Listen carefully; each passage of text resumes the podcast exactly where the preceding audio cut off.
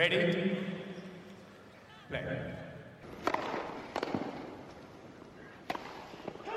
Merhabalar Raket Servisi hoş geldiniz. Ben Gökalp. Ben Anıl merhaba. Evet, sezonun sonuna doğru yaklaşıyoruz. Ee, WTA finalleri başladı.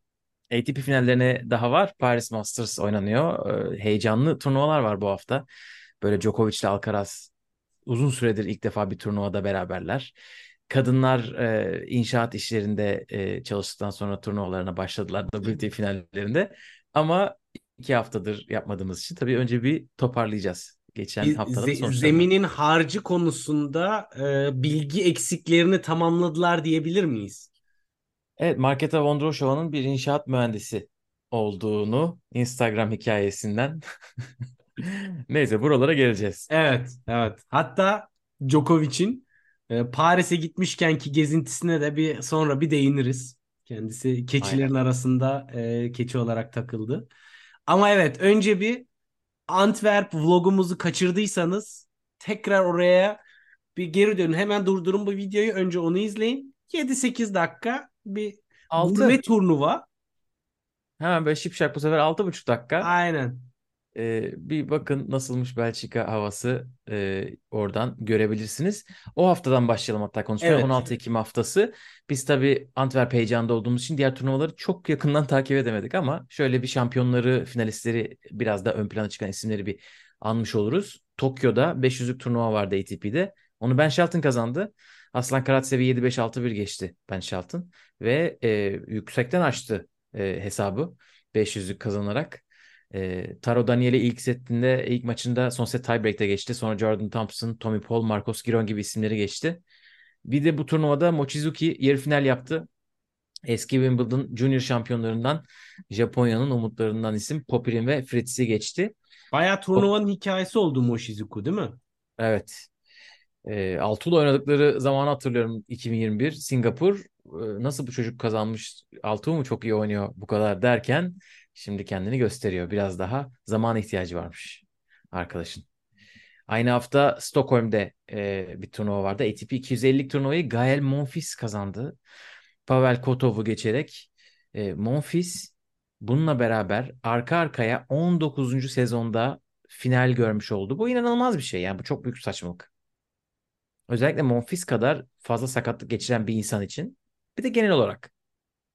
Yani istikrar konusunda ne kadar üst düzey bir atlet olduğunu aslında gösteren de bir şey. Yani e, Yani istikrar desek, istikrar ve ATP desek ilk 20'ye Monfils'i koyar mısın? yani düşünmezsin.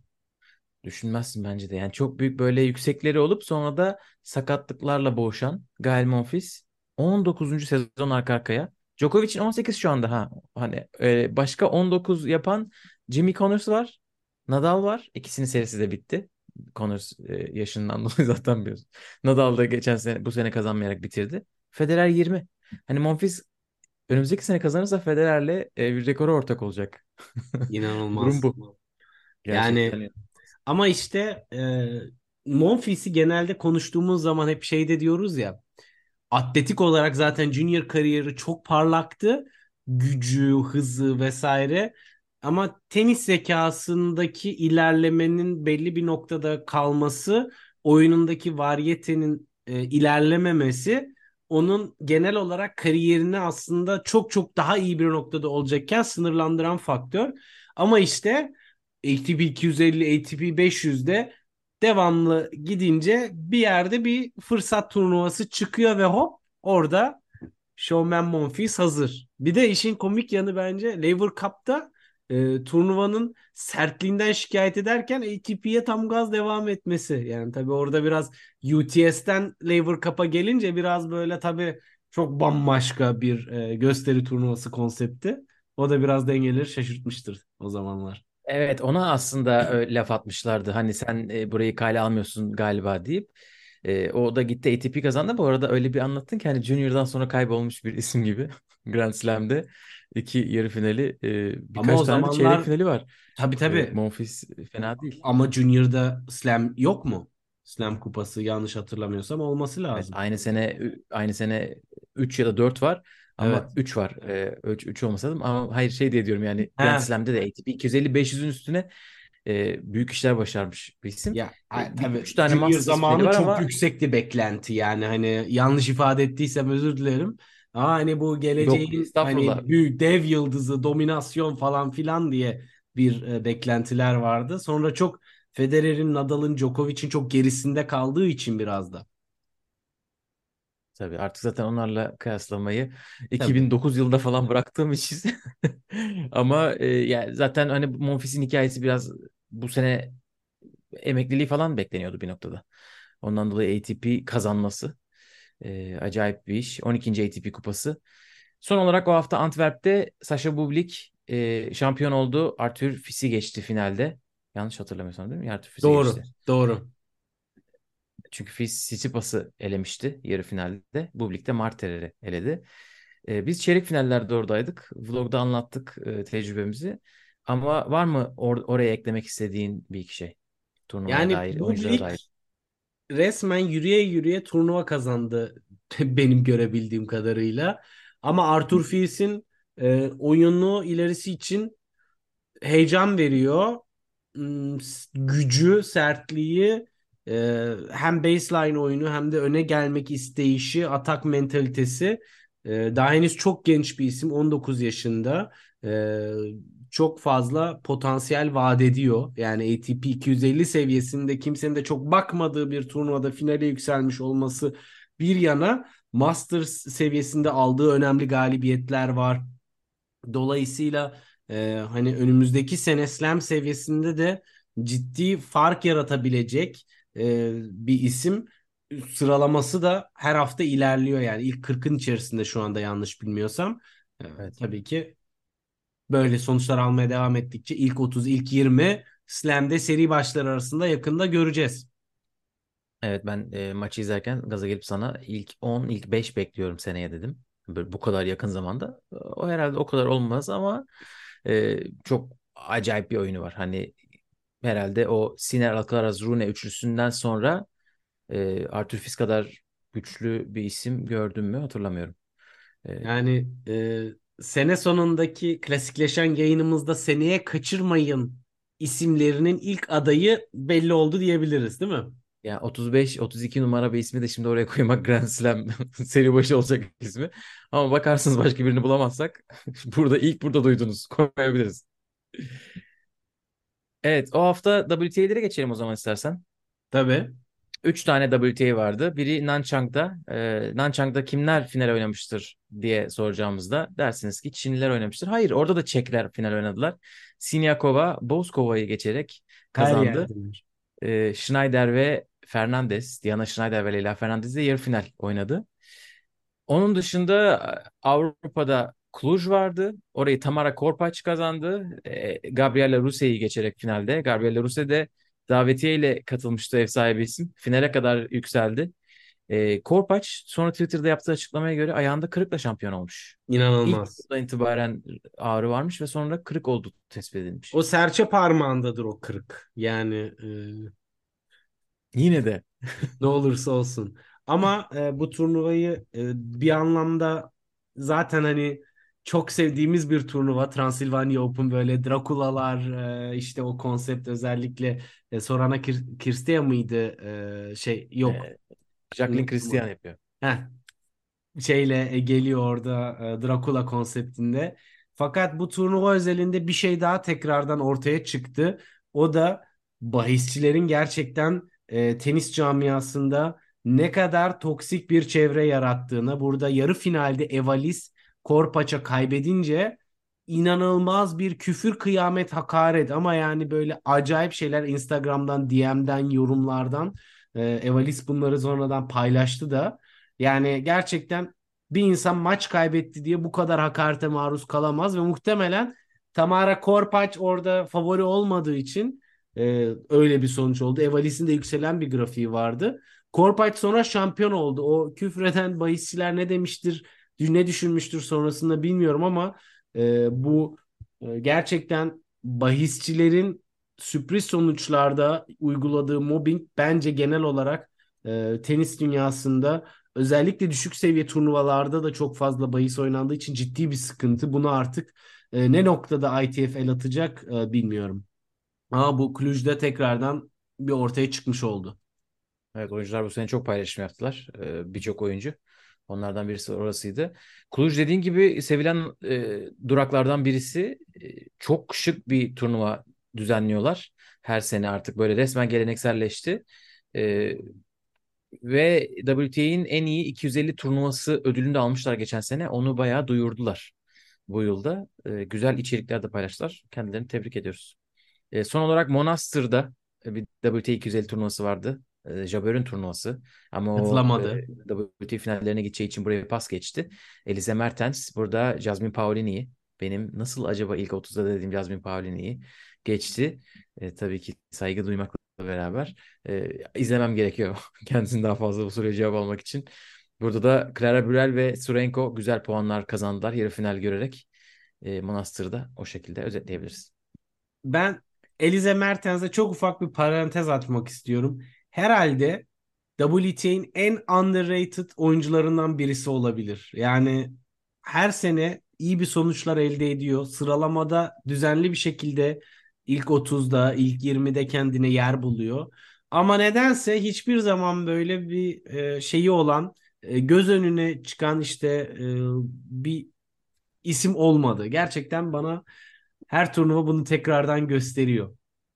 Şeyde hakkı veriliyor. Grand Slam zamanı onun bir üçüncü tur serisi vardı.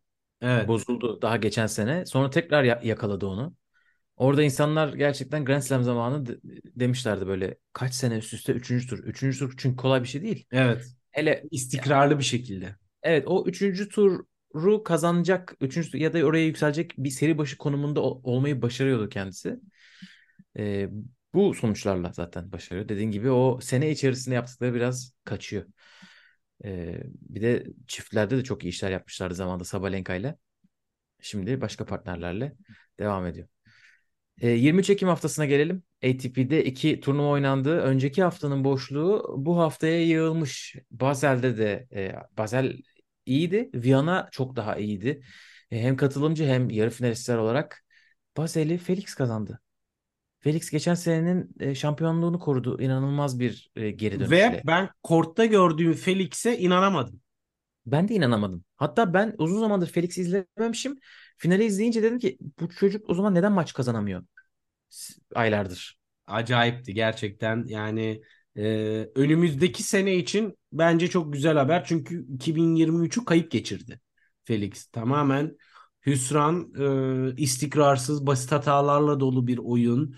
E, ge- geri çizgide rally içerisinde hata yapan ilk taraf olduğu, fileye çok gelmediği, seviyesini çok aşağı düşürdüğü bir oyundan e, buraya geri gelmesi ki Hurkaç da iyiydi maçta ki kaldı ki kapalı indoor'da Hurkaç'a karşı kötü bir Hurkaç bile zaten her türlü tiebreak'e götürebiliyor. Dolayısıyla bence çok çok e, değerli bir galibiyet. Acayip bir şey. E, tabii sıralamada çok düşecekti. Çünkü Evet. geçen sene Ekim ayında Basel'in dışında iki tane de 250'lik kazanmıştı. Hani o puanları düştü. Basel de düştüğü zaman herhalde bir 50'nin dışına çıkacaktır belki de. Şimdi 30 numarada hani e, halinden memnundur. Çünkü aylardır 2-3 maç üst üste kazanamayan bir isimden bahsediyoruz. E, Felix için. Ve hiç fena olmayan rakipleri geçti. Dediğin gibi Evet. finalde Hurkaç, yarı finalde bir numara Holger Rune'yi geçti. Rune'ye de bir parantez açmak karşı- gerekiyor burada. Değil mi? Yani Aynen ondan önce Shevchenko var, e, Botik var, e, genç bu genç demeyeyim de artık hani İsviçreli isim Ridi var. E, e, ki genç bir çocuk yani 21-22 yaşında. Hani bunları geçip şampiyon oldu. Holger Rune için sözü sana veriyorum. Yani Holger Rune de gerçekten bu sene sakatlıklarla boğuşuyor. Ee, çok fazla üstüne gidildi. İşte kız arkadaşı onun dikkatini dağıttı denildi vesaire vesaire ama Kim hep sonu onu? Hiç haberim yok. kendisi hatta şunu ya kendisi şu açıklamayı yaptı. Benim özel hayatımın tenisimi etkilediğini söylüyorlar ama hayır sorumluluk tamamen bende ve şahsımda dedi yani bu e, kız Vay arkadaşımla arkadaş. vesaire hiçbir alakası yok. E, oyunumu tekrar toparlayacağım dedi ve hani bu bunu söyledikten bir hafta sonra da Basel'de yarı finali görmüş olması bence çok önemli. Çünkü daha çok genç bir isim Holger Rune ve o sorumluluğu üstüne alabilecek ve onunla onu çalış ona çalışıp kendini tekrardan mental ve fiziksel e, ve odaklanma olarak korta vermeyi başarmak e, bence çok değerli. E, burada tabii e, Boris Becker'in ne kadar etkisi var hemen herkes e, bunu merak etmiştir. Ama yani tabii e, bakalım o birliktelik de çok eğlenceli bir ikiliye dönüşebilir. Çok garip bir kombinasyon çünkü Boris Becker ve Holger Rune e, dediğin zaman. Bakalım. Evet. Boris Becker biliyorsunuz hapis cezasını yattı. Bir suçlu olduğu için böyle ir, böyle sürreal şeyler söylüyoruz Boris Becker hakkında. Çünkü gerçekten bunlar oldu. Geri döndü birkaç ay önce Wimbledon zamanı mı dönmüştü. Şimdi de Holger Rune ile çalışmaya başlamışlar.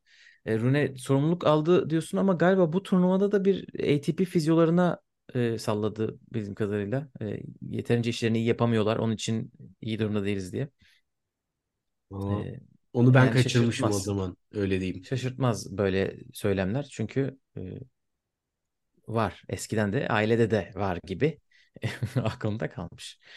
E, Değil Kasper mi? burada anne de biraz eleştiriyi seven e, e, yapıda bir isim. Çok detaylara girmeden. Evet biraz dışarı yönelten bir e, şeyi var, izlenimi var. E, burada iki numara Kasper Ruud'u Dominic Stricker'e kaybettiği için ben yani çok severim. Onun için söylemek istedim. Kendisi burada çok güzel bir maç kazandı. E, ve çeyrek finale yükseldi. Hugo Amber'e kaybetti çeyrek finalde. Hugo Amber de burada yarı final yaptı. O da puanları topladı buradan fena olmayan bir şekilde. Umber herhalde son 3 haftada baya bir e, maç kazanma alışkanlığına geri erişti gibi. Bu da beni e, şaşırtıyor. Ben açıkçası bu kadar beklemiyordum. Yani Şangay'da da maç kazandı. E, çeyrekte Rublyova elendi. Hani o olabilir ama e, ondan önce mesela Çin'de de Medvedev'e kaybetti. Rublyov'u yendi. Sonego'yu yendi. E, bakalım tekrardan bir o en azından orta üst seviye performansına geri dönebilecek mi? Ee, bakalım. Ben inanıyordum. Fazla inandığım için şu anda biraz geri çekiliyorum. Hugo Amber konusunda.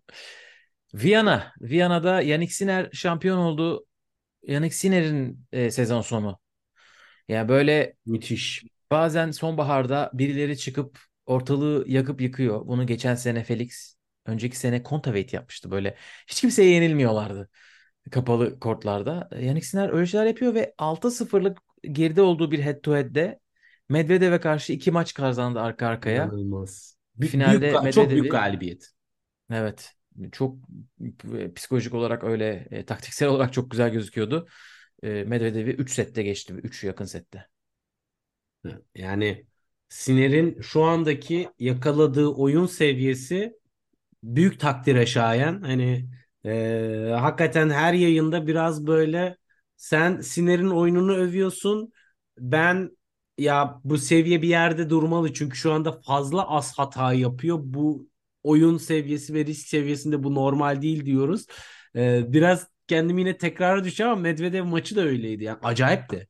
Ve o kadar garip return winner'lar vurdu. Winner olmasa da return'ler yaptı. Bunu kapalı zeminde ya kapalı kortta e, sert zeminde Medvedev'e karşı Medvedev'in de iyi servis attığı sekanslarda yapabilmesi bence dosta güven düşmana e, korku salmaya ATP finallerinde e, devam edecektir. Çünkü yani önümüz Torino.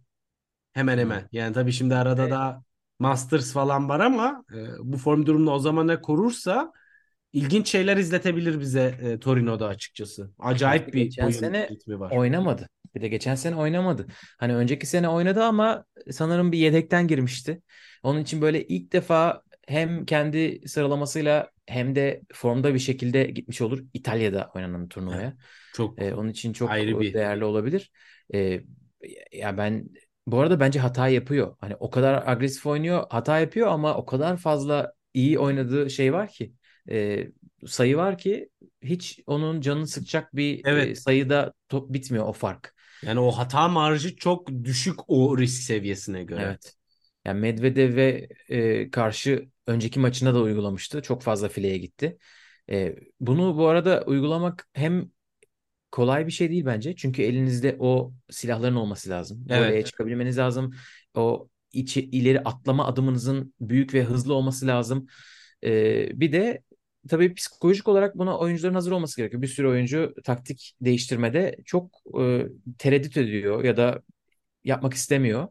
Hani Siner bunun çünkü ilk dört oyunda gör, görürsünüz, izlerseniz görürsünüz hani Medvedev'in e, iki defa servis voleye çıkan Yannick Sinner'i passing shot'la geçtiği var yani. Öyle forehand return'ler vuruyor ki. Ondan sonra Sinner acaba geri kalacak mı diye baktım. Geri kalmıyor. Devam ediyor ileri gitmeye. Her fırsatta gitmeye devam ediyor. İki taraftan inanılmaz paralel vuruyor. E, forehand'den de backhand'den de. Ya bunlar tabii o ilk kısmı özellikle fileye gitme, servis voley. Bunlar Medvedev'in return pozisyonuyla alakalı ve ben neden hala değiştirmediğini bilmiyorum. Bana çok garip geliyor. Onu asla Ve de- öğrenemeyeceğiz bence. Bir röportajda bir sormak, biri sorar umarım. Benim tahminim bu biraz inatçılık tarafı. Hani mesela bazı oyuncular inatçı kalabilirler, taktik değiştirmezler dediğim Medvedev bence o. E, çünkü e, karşı tarafın ne yapacağı biraz daha belli. Ha, tamam forehand return güzel vurdun ama e, inisiyatifi direkt karşıya veriyorsun. Ha bunu nasıl sürdürebiliyor? Tabii iyi bir return'den sonra çok çabuk geliyor geri çizgiye ve hani karşı taraftaki oyuncu ilk iki vuruşta bir atak yapmazsa sıfırlanıyor o dezavantaj kalmıyor tabii ki Medvedev tarafında.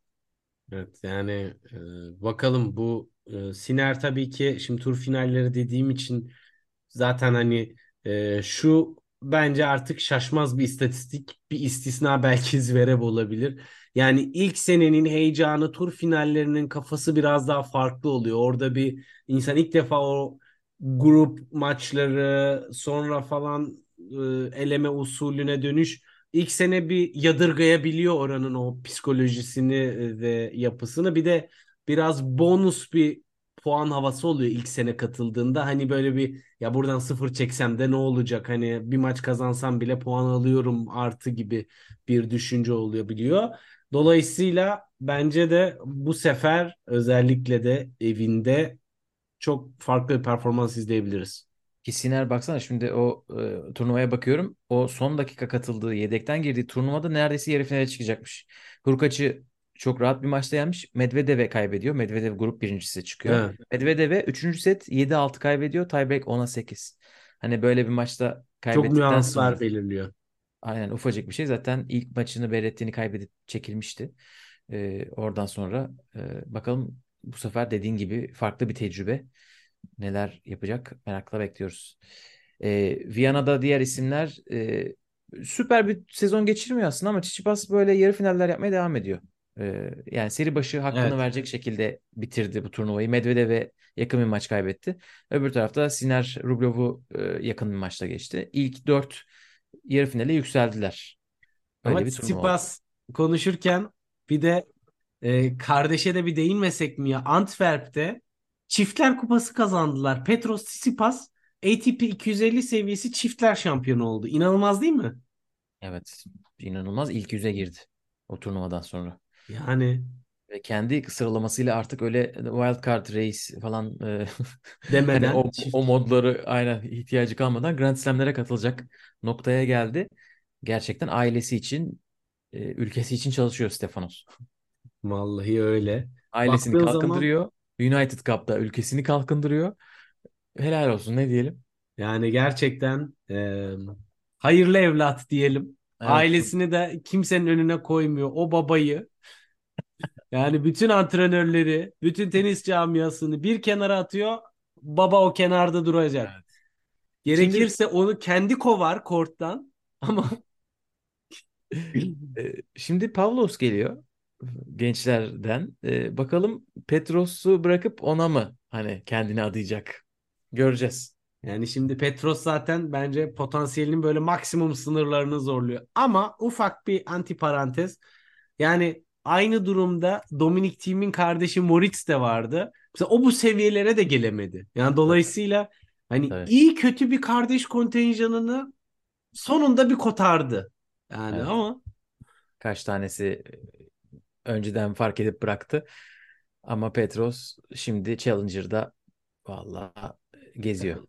Yani Novak Djokovic'in kardeşi. kaç ne çiftler maçları kazandı Novak Djokovic şey kaybetti Novak Djokovic onunla. Şimdi bugün Paris'te Kecmanovic'le oynuyor çiftler de e, galibiyet yüzü gördü dedi. Kardeşten hayır yok bari sırp sırp gidelim yine bir bir ucundan bir elinden tutulur bir şeyler ama evet. En son beraber e, çiftler maçları kazandığı isim sonra koçu oldu. Onun için bakalım ama Kecmanovic genç daha.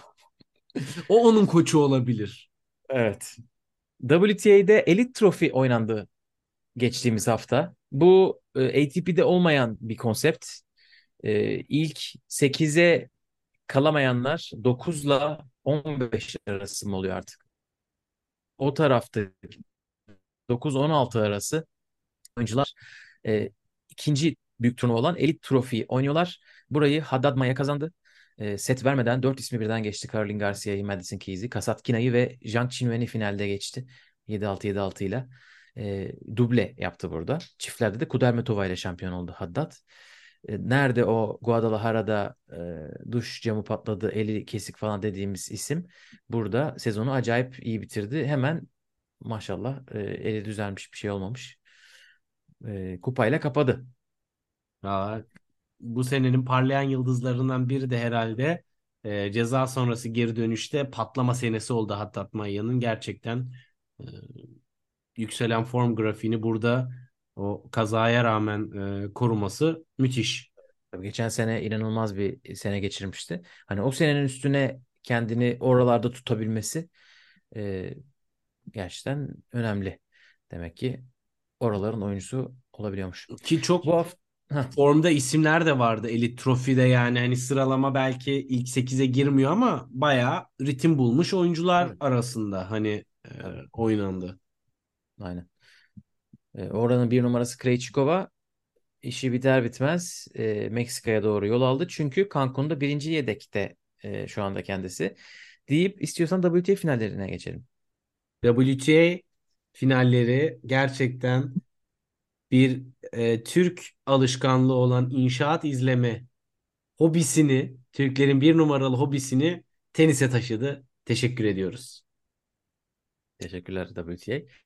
E, WTA finalleri biliyorsunuz e, böyle aslında paket paket olarak belli şehirlere veriliyor ama senelerdir geziyor. Çünkü e, en son 2019'da Shenzhen'deydi e, Çin'de ve orada 10 sene boyunca oynanacaktı.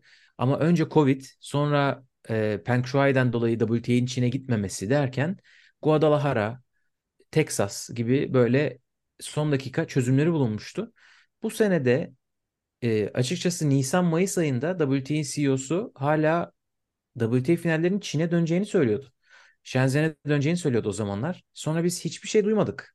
Hiçbir basın açıklaması olmadı, hiçbir haber de yapılmadı bildiğim kadarıyla. Ve Çin'de olmayacağına dair insanlar artık e, herkes aynı noktadaydı. Yine geçen sene olduğu gibi Amerika açıktan sonra yani birkaç hafta kala e, yeni yeri açıkladılar. O da Cancun, e, Meksika'da sahil şehri.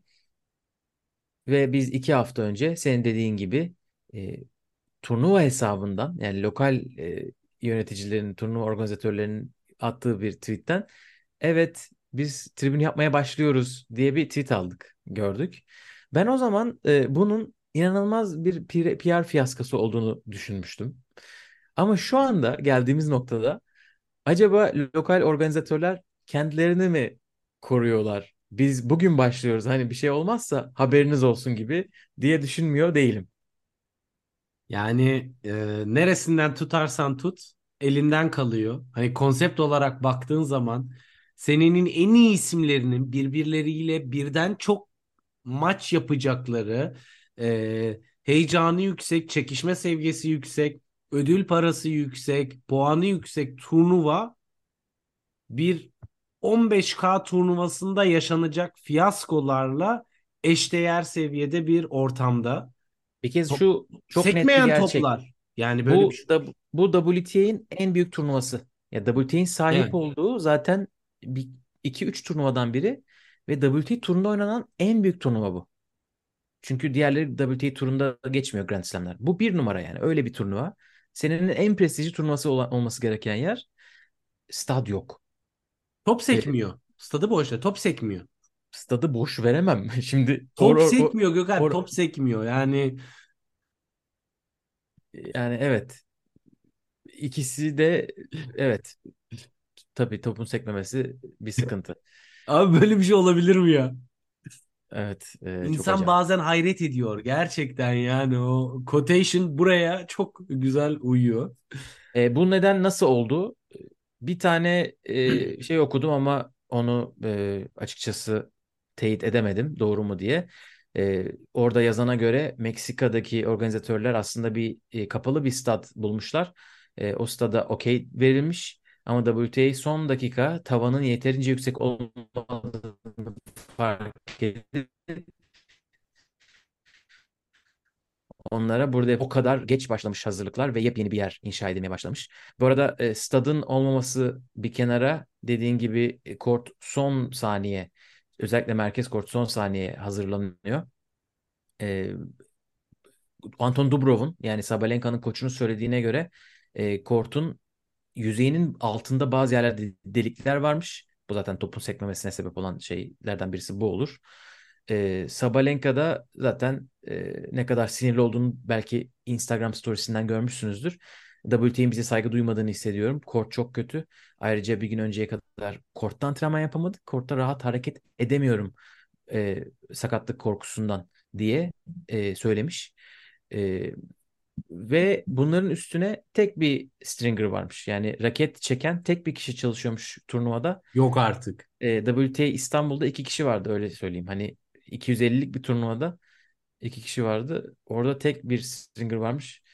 Bunların üstüne öyle bir yer ki hem plaj e, çok rüzgarlı bir yer hani o var. Bir de şu anda e, kasırga sezonundaymış Cancun. Hani kasırga sezonunun sonundalarmış gerçi ama hani hepsini bir araya getirmeyi başarmış WTA. Kasırga Eylül gibi oluyor normal yani o o taraflarda e, genelde evet Eylül gibi kasırga sezonu oluyor.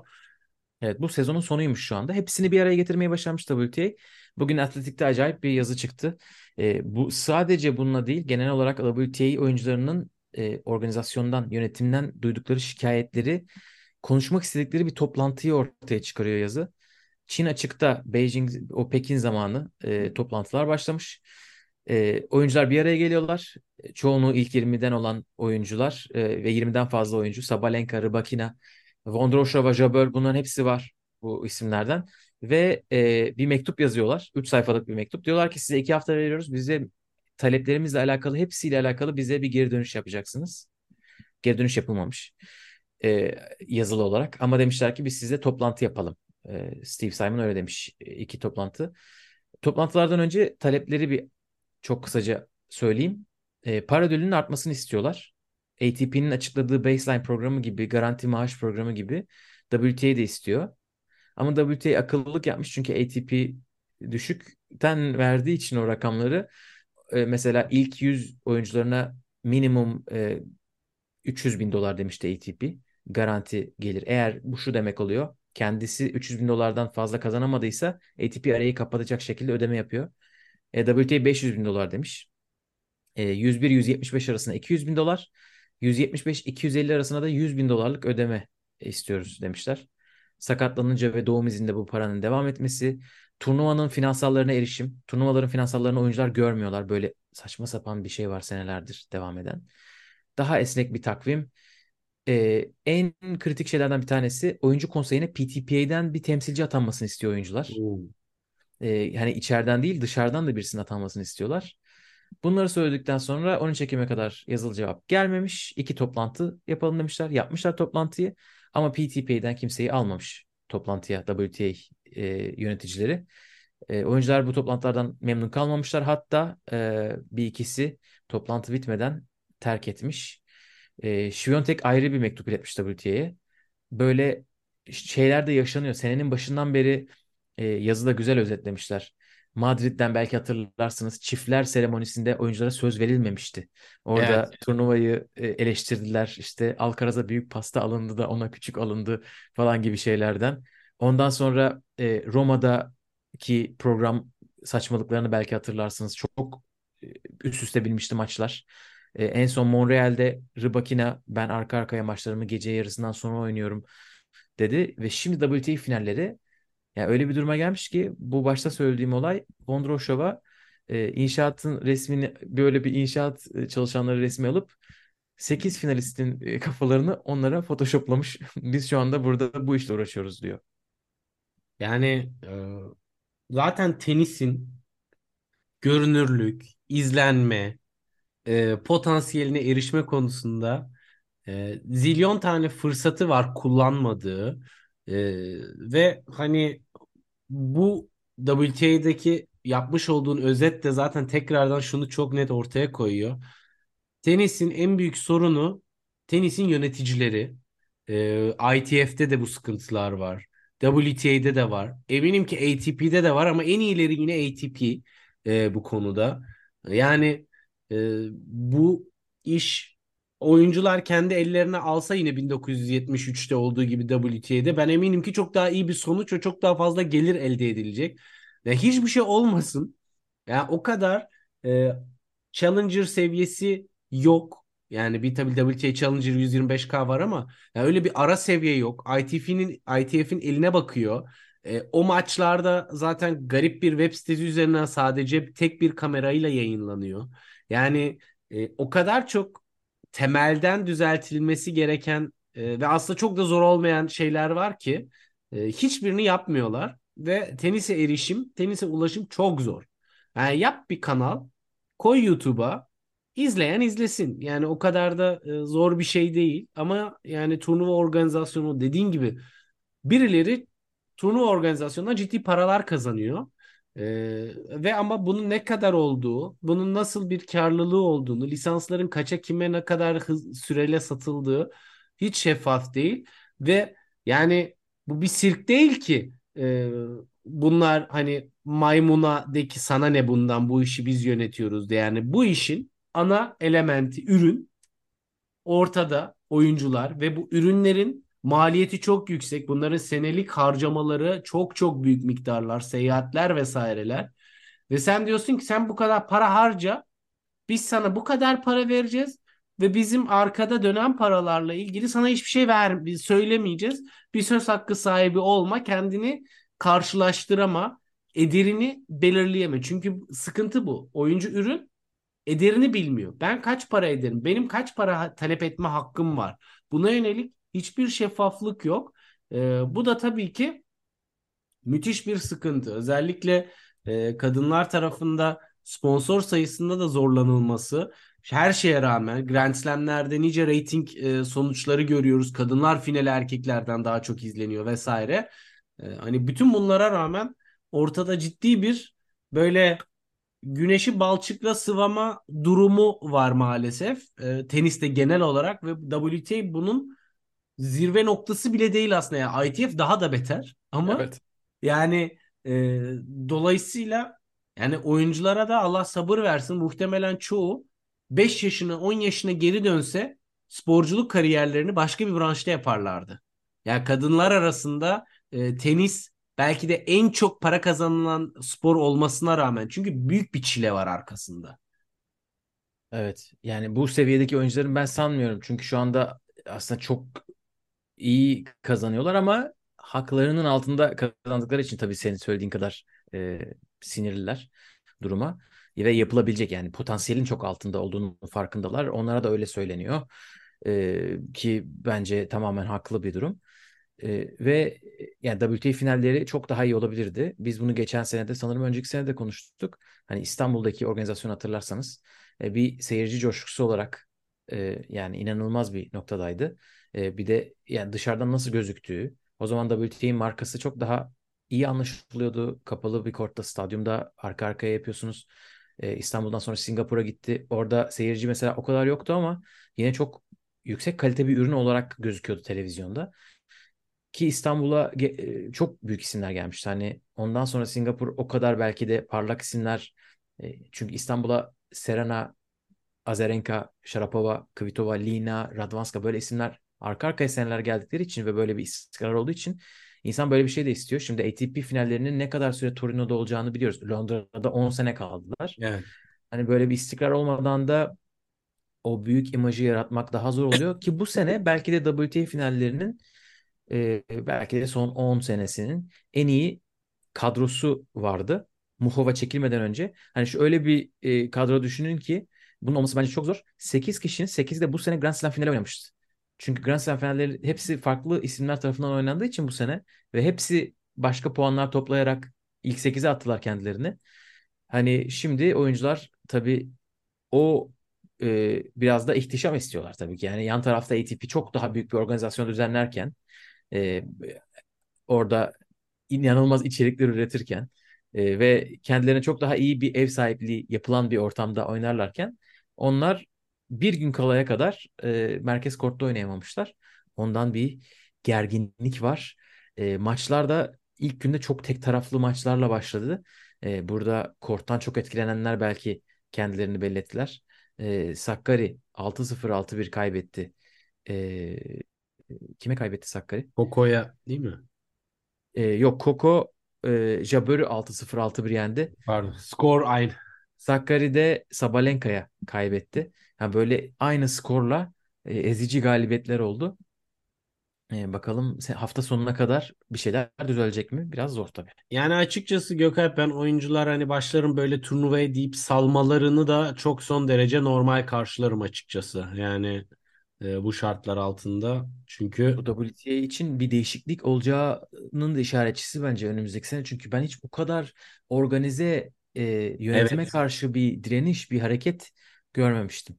Böyle bir Ki- şeyin ihtiyacı da olmamıştı belki de.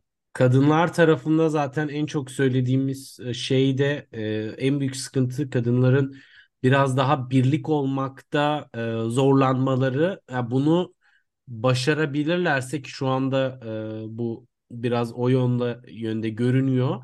E, o zaman tabii ki e, iş çok daha e, ciddi bir noktaya gelecektir. Çünkü işin ticari kaygılarının e, arşa çıktığı bir nokta. Televizyon önemsenmiyor. E, lisansların satılması ön planda. E, ama turnuvalarda da doldurmakta zorlanıyorlar. Dolayısıyla ürün ürünü kötüleştirme riskiyle bu sefer lisansları da satamayacaklar. Yani kısa vadede kendilerine fayda sağlayanlar orta vadede genel olarak büyük bir e, problem doğuruyorlar. İnşallah ve bu, bu işin çözümü tabii ki oyuncuların e, arabayı duvara toslatmalarıyla e, olur. Bu iş böyle. Evet, bunu önümüzdeki hafta konuşuruz çünkü WTA finallerini detaylı konuşacağımız Evet. bir bölüm olacak. Paris Masters'a böyle bir bakış atalım istersen çok kısaca. Ee, herkes orada tabii ki. Ee, Djokovic, Alcaraz, Medvedev, Sinner hepsi e, oradalar. Sezonun son Masters turnuvası. Ee, son şampiyon geçen sene inanılmaz bir iş başaran Holger Rune de orada. 5 6 numaralı seri başı. Ee, Taylor Fritz çekildi. İşte Tiafoe ve Shelton elendi ilk 16 seri başından. Diğerleri daha yamaçlarına başlamadılar ya da yollarına devam ediyorlar. Evet. Yani e, burada tabii ki bir alkış Dominic Thiem'e elemelerden geldi. Üstüne de Wawrinka'yı çok e, sert bir maçta yendi. E, onun için de bir moral turnuvası olacaktır diye düşünüyorum.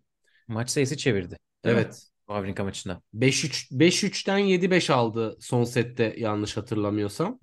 E, ve Ya bu Wawrinka ile Murray'nin maç sayısı harcayarak kaybettikleri maçlardan gına geldi. Murray de, Deminora gerçekten yani Murray'nin oyununu ne kadar izlemeyi sevsem de gerçekten kendine hayatı zorlaştırıyor. Yani öyle bir maçı kapatamama Anladın ama Murray'nin oyununu sevmemizde kişiliğinin çok payı var bence. bence de. Tabii. Oyunu biraz sevmesi zor. Şimdi doğruya doğru.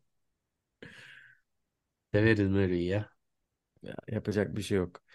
Ee, bir de arka arkaya ikinci maçta Alex de Minaur'a iki maçta da maç sayısı kaçırarak kaybetti. Alex de Minaur'un e, kız Bu arkadaşı. sene Bastian'ın e, tweetini gördün mü? Bu sene Deminor her zemin türünde Murray'i beğenmiş. Bu nasıl bir kura? Bu nasıl bir turnuva tercihi ikisi arasında da bu kadar eşleşme e, denk geliyor. Yani sonuçta devamlı finalde karşılaşsalar diyeceğim ki Novak ve e, Nadal gibi hani head to head'lerinin çok olması normal. Öyle bir şey de yok.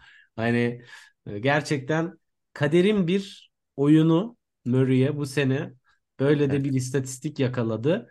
Ama Deminor'un kız arkadaşı e, Britanyalı Katie Boulter da artık lütfen karşılaşmasınlar diyor. Çünkü e, büyük ihtimalle Andy Murray'ci kendisi evet ve bu kadar yakın maçlar e, hepimiz aynı noktadayız galiba.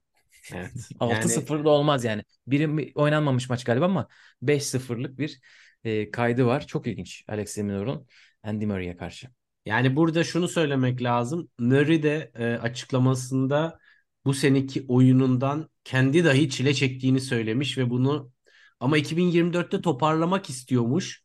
Bu nasıl bir motivasyon? Yani yaşın kaç? Hani ben şey derim. "Cık, Yok bu sene artık istediğim gibi gitmedi. Ben yavaş yavaş Çok hani var. kalçamda fazla artık e, paslanma riski var.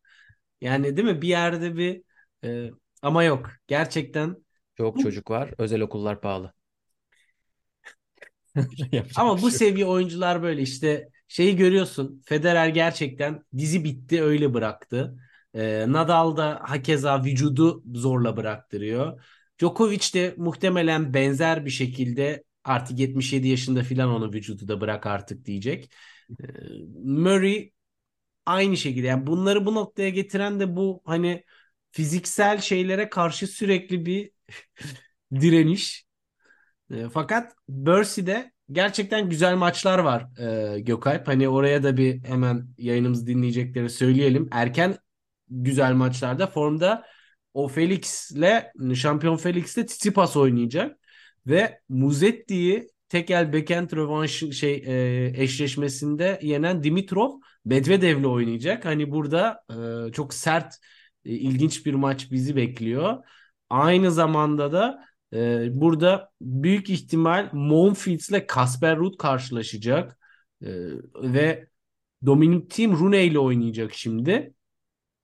Djokovic'in yolu biraz açık. Orada çok heyecan verici bir şey yok ama baya güzel maçlar var ve buradaki en sürpriz sonuç tabii ki Davidovic Fokina'nın tutup da formda Benşalt'ını yenmesi oldu. Yani baya böyle eşleşmeler, yenilenler, Ama sürprizler sağlam. ama Ben Shelton arka arkaya 15. turnuvasını falan Evet. oynuyordu burada. Bir Ben artık bir yorulmuş belli. Artık bir zahmet. İzlemedim ama çok değiştiği için işte omzum ağrıyor falan diyor da e, senin omzun başka sebepten de ağrıyor olabilir ben. Hayatında ilk defa bu kadar seyahat edip turnuva oynadığın için. Ama top konusunda haklıdır büyük ihtimalle. Çünkü top konusu e, popüler bir konu bu sene. çok popüler bir konu. Ee, hani çok kısaca söyleyelim e, izleyicilere. Her turnuva neredeyse farklı bir topla oynanıyor ve bütün topların sekme şekilleri, hızları, basınç seviyeleri de birbirinden farklı. Bunun üstüne bir de zeminlerin de hızları birbirinden farklı oluyor. Bunun da oyuncuların sadece oynama kalitelerine değil çünkü hani orada çok kısa saniyeler fark ettirebiliyor hata oranını ve zamanlamanın doğruluğunu. Aynı zamanda da bileğe ve dirseğe gelen ve omuza yüklenen baskının da farklı olmasına sebebiyet veriyor ve bundan dolayı top değişikliği aynı zamanda sakatlık riskini de arttıran bir şey ve bu şu anda çok fazla olmuş ve toplardan da oyuncular birçok oyuncu memnuniyetsizliklerini dile getirdiler. Yani tabii ki biz izlerken bunların hiçbirini anlayıp değerlendiremeyiz ama e, böyle bir sıkıntı büyük bir seviyede olmasa sanırım bu kadar çok farklı isimden ses çıkmazdı Gökhan. Evet, aynen öyle. E, istiyorsan bir e, doping cezası haberiyle kapatalım. De güzel güzel konuştuk. Neden kötü bir haberle bitirmeyelim, Artık değil mi? artık biraz da ciddi Artık bir, bir drama lazım. biraz ciddiyet, biraz e, sorumsuzluk örnekleri. E, Jensen Brooksby 3 tane test kaçırdığı için e, 18 ay boyunca e, lisansı iptal edildi. Böyle bir ceza aldı. E, ITIA artık ye- yeni konuştuk biliyorsunuz. Halep zamanı konuşmuştuk. E, ITF'in e, Anti-Doping Yönetim Ajansı tarafından. E, çok kısaca özetlemeye çalışacağım. Bu rapor çünkü 20 sayfaydı. Halep gibi Halep gibi şey değildi yani bir Dostoyevski romanı büyüklüğünde değildi. Ee, Nisan 2022 Şubat 2023 arasında 3 test kaçırıyor Jensen Brooksby. Ee, ve bu Aralık 2021'de diyorlar ki ilk yüze girdin. Artık seni böyle e, bu programı almamız lazım. Bu test programını almamız lazım. O da öyle bir program ki e, bir sistem var ve o sisteme siz her çeyrekte o 3 ay boyunca nerelerde, hangi otellerde olacağınızı yazmanız gerekiyor. Eğer bir değişiklik varsa girip değişiklik yapabiliyorsunuz. Doping kontrol e, memuru da e, orada sistemde yazan yere bakıp sizin belirlediğiniz saat aralığında çünkü her gün saat 5 ile akşam 11 arası bir saat seçmeniz gerekiyor. Jason Brooks mesela saat sabah 6 ile 7 arasını seçmiş. Kontrol memuru da 6 ile 7 arası o belirttiğiniz adrese gidip o günkü adrese gidip çat diye e, kontrole geliyor. 3 defa olmazsanız o kontrolde e, o zaman ceza alıyorsunuz. Çünkü neden kaçıyorsunuz gibi bir durum oluşuyor. E, bu yakın zamanda Mikael Mer'e olmuştu ve büyük e, destek de gördü Mikael Mer oyunculardan neden böyle bir haksızlık yapılıyor falan gibi. Şimdi raporlar yayınlanınca bazı şeylerde de destek vermek tabii zorlaşıyor değil mi? Aynen zorlaşıyor. Onu size bırakayım diyecektim ama zaten belli olacak. Şimdi e, Brooks bir üç tane kaçırmış. İki tanesini kaçırmasıyla alakalı hiç açıklama bile yapmıyor. Evet onları ben kaçırdım diyor. Hani böyle bir durum var. Şimdi bu, bir Yani cepte. uyudun mu? Ne yaptın? Hayır söylüyor. miydin? Söylüyor. Nerede ben diyor farklı bir şehirdeydim ve ilkinde menajerim e, oraya gideceğimi değiştirmemiş e, sistemde. Bu arada ilk ikisinde yapmıyor bunu. Bir ve üçte yapıyor. Hani üçüncüde de çok büyük ihmal var. Üçüncüde de e, Florida'daki antrenman yapacağı yeri gösterdiği günde Kaliforniya'da olduğu için kaçırıyor ve o sefer menajerine ulaşıyorlar. Diyorlar ki diyor ki Kaliforniya'da falan. Oraya geliriz ama ikincisiyle alakalı bir sorunu var Brooksby'nin. E, Sertogen boştayken gelmişler. Yani inanılmaz absürt bir hikaye. E, 4 e, Haziran'da e, otelde kalmaya başlıyor. 4 Haziran'da da o oteli vermişler. ATP'nin resmi otelinde kalacak. E, sabah 6'da gidiyor doping kontrol memuru ve resepsiyona gidiyor. Diyor ki e, işte ben buradan geldim. Bu arkadaşı e, şey yapmam lazım. Bir e, numune almam gerekiyor. E, resepsiyon bakıyor diyor ki bugün itibariyle başlıyor diyor. Yani bu- bugün daha sonra check-in yapacak diyor. E, sonra arıyorlar, e, bakıyorlar şeyde e, bilgisayar ekranında e, bulamıyorlar. O odanın notlarında 515 yazıyormuş. Bir de twin yazıyormuş. Böyle şeyler var ama e, bilmiyor yani orada resepsiyonda çalışan. Sonra müdür de geliyor. Sonra bulamıyorlar. E, ve şöyle bir durum var. Doping kontrol memuru son 5 dakika kala oyuncuyu arayabilir. Ama 6'yı 55 geçeye kadar aramaması gerekiyor. Orada e, numune verecek kişinin başka bir hazırlık yapmaması için. Hı hı. Yani sürpriz olarak gelmesi için. 6.56'da arıyor. Telefonu çalıyor ve e, e, telesekretere gidiyor. Ve sonra da e, adam ayrılıyor oradan. İkinci şekilde böyle kaçırıyor. Ha bu arada e, kaçırdıktan sonra ona bildiri gidiyor. Ona itiraz bile etmemiş ama şöyle olmuş. E, 4 Haziran'a kadar fizyosunun rezerve ettikleri odada kalmışlar. Çünkü kendi adından yapmamış. Fizyosunun çünkü indirimi varmış dışarıdan yapınca. E, bu arada bu gerçek. Hani buradaki sıkıntı şu. Kendi isminin ondan önceki günlerde sistemde gözükmemesi. Sonra otel çalışanlarına benim ismimi de buraya koyun demiş. Otel çalışanları da bir kağıda yazmışlar. E, pasaportumu alın demiş. Pasaporta gerek yok çekinde demişler. Gibi gibi şeylerden e, kaçırıyor testi. Ama şöyle durumlar, şöyle yan e, cezayı verirlerken yani orada dikkat ettikleri yan noktalar da var. E, Jason Brooksby ilk başından beri doping kontrol grubuna girdiğinin her şeyi menajerine bırakıyor. İşte eğitimleri dinleme, e, nerede ne olduğu tarihini, nere sisteme girme işlerin hepsini menajerine bırakıyor ve böyle, böyle menajerini suçluyor işte şeyde e, ifadede. E, fizyosu da Justin Brooksby'yi suçluyor. İşte diyor benim bana isminin vermesi gerektiğini söylemedi. E, takım parçalanmış olabilir şu anda. Nasıl ne durumdalar bilmiyorum. E, ama e, çok büyük ihmal olduğu için e, iki büyük otorite de yani bağımsız mahkemede ITIA'de e, 18 aylık e, cezayı onuyorlar. E, şu anda e, o kasa git, gidecekmiş. İşte zaten Instagram'ında yazmış. Instagram'daki açıklamaya bakarsanız hani böyle haklıyım ben diye gösterdiği gerekçelerin ne kadar ihmal üstüne ihmal olduğunu görebiliyorsunuz. Hani e, buna bile Riley Opelka gidip altına yorumlarda şey yazmış. Amfetamin kullanan insanlar var. Sen bir tane test kaçırmışsın. Sana takmışlar. Böyle şey olur mu? Bir kez bir, ten, ten- ten- bir tane kaçırmamış ki üç tane kaçırmış. Hani çok Oradan başlamak lazım se- sevgili Riley. Yani Ee, bunlardan dolayı şu an Jensen Brooksby Ocak 2025'e kadar yok. geçmiş olsun yani e, biri kaçır iki kaçır da bir yerden sonra artık hayatını onu kaçırmama üzerine kurarsın yani bu Evet. eğer ki ortada bir sıkıntı yoksa. E, dolayısıyla yani neresinden tutarsan tut elinde kalıyor. Sonuçta ım, hani teste girdikten sonraki bulguların yorumu vesaire hani Halep olayında konuştuk. Çok farklı detaylar olabiliyor. Ama yani teste girmiyorsan ve bunu üç kere garip grup şekilde kaçırıyorsan Ve nasıl oyuncular var hazırlanan sen yayından önce söylemiştin. Hani Evet yani olacak. Kasper Ruud e, daha yeni öyle bir anekdot paylaştı. Gece diyor tuvaletim geliyor ama dur sabah belki doping kontrolü gelir diyor tuvalete bile çıkmıyorum diyor. Yani bu psikolojide bir adam var. Bir de bu adam var. Hani dolayısıyla evet doping kontrolü gerçekten süreç olarak çok zor bir şey. Çünkü devamlı test veriyorlar, devamlı numune veriyorlar ve devamlı hazır olmaları gerekiyor ve e, çok fazla e, kontrol ediliyorlar.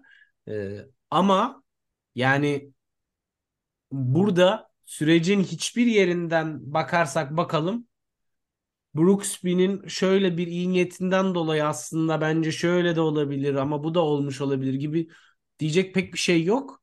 Evet Bayağı çünkü kasıt gerekmiyor. İhmal yetiyor. Evet. Burada e, ağır ihmal olarak nitelendiriyorlar. kesinlikle. Yapacak bir şey yok. O zaman 2025'te görüşürüz Cansın deyip Belki kas onu düşürür. hayırlısı. Görürse İyi, iyi halden. o- Kravat takarsa görüşmede filan değil mi böyle bir? Evet. E, kastan geri dönerse belki o böyle normalin dışında tenisini tekrar izleriz önümüzdeki sene. E, o zaman istiyorsan burada bitirelim. Tamamdır. O zaman WTA finallerini ve Paris'i kapatacağımız bölümle geri döneceğiz. İzlediğiniz için teşekkürler. Bir sonraki bölüm görüşmek üzere. Hoşçakalın. hoşçakalın.